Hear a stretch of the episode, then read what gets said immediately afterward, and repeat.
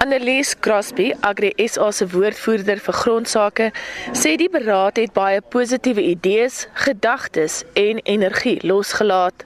My gevoel is dat hierdie 'n bietjie van 'n draaipunt is in hierdie debat rondom die grondkwessie en dat hier 'n groot klomp positiwiteit nou losgelaat het wat nie net tot voordeel van ons boere is nie maar wat tot voordeel is dink ek van van Suid-Afrika ons het dit nodig om vir mense hoop te gee op hierdie stadium in tyd.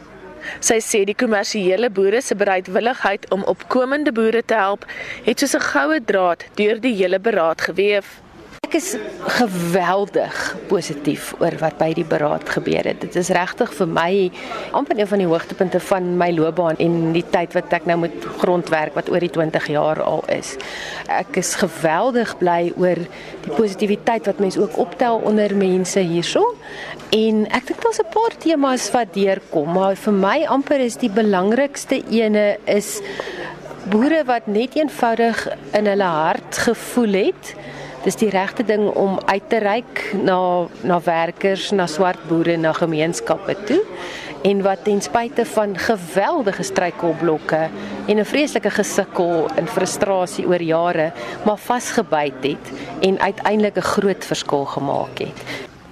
Crosby sê as die regering die projekte van kommersiële boere ondersteun het, daar 'n baie groter impak landwyd op gemeenskappe sou wees.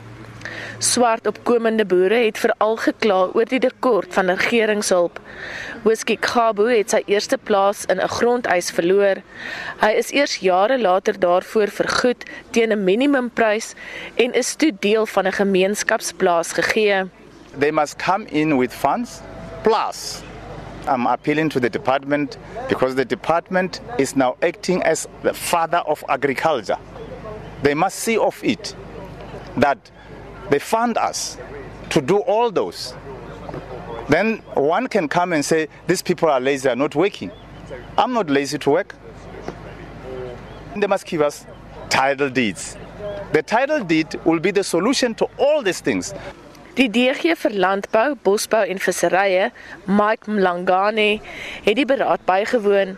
Hy sê die regering het verskeie programme om opkomende boere te help, maar die uitvoering blyk 'n probleem te wees. Specific reference to these issues that I've had, we are going to be setting a group of people to go and investigate.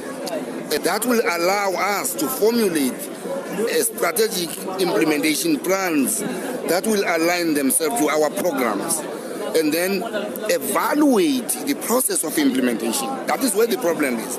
Is the process of implementation. The money arrives to who? And how does it get utilized? I need to close that gap. That's where the gap is.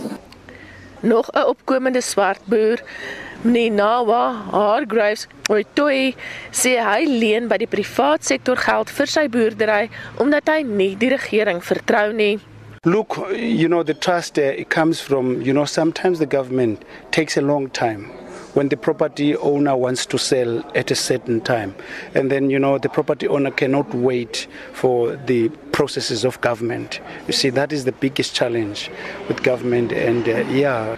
Hy sê swart opkomende boere het die regering net so erg in die steek gelaat as wat die regering hulle gefaal het. If you are given the government funding to assist in your farming venture, you have to respect that fund because it comes from the taxpayers. And also, you must make good use of it. And it is sad for those who could not use that opportunity worthwhile.